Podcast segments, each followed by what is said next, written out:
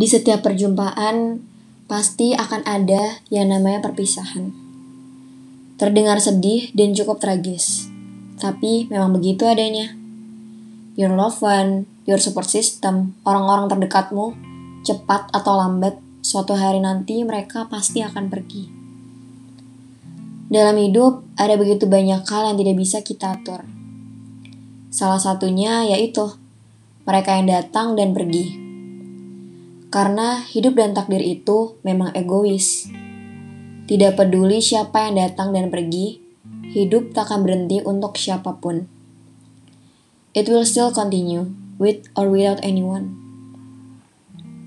Dan juga, aku selalu percaya Kehilangan itu ditakdirkan ada agar kita bisa belajar untuk lebih menghargai mereka yang masih ada.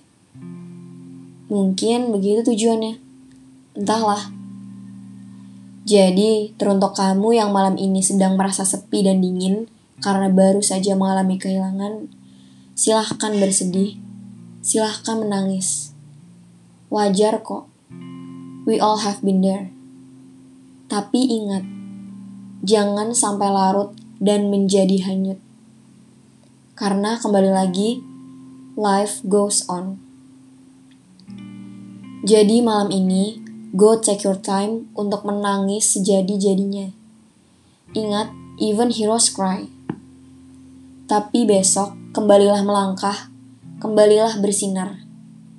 Aku yakin, sosok yang meninggalkanmu pun takkan tega melihatmu hancur seperti ini ia pasti mau selalu yang terbaik untukmu.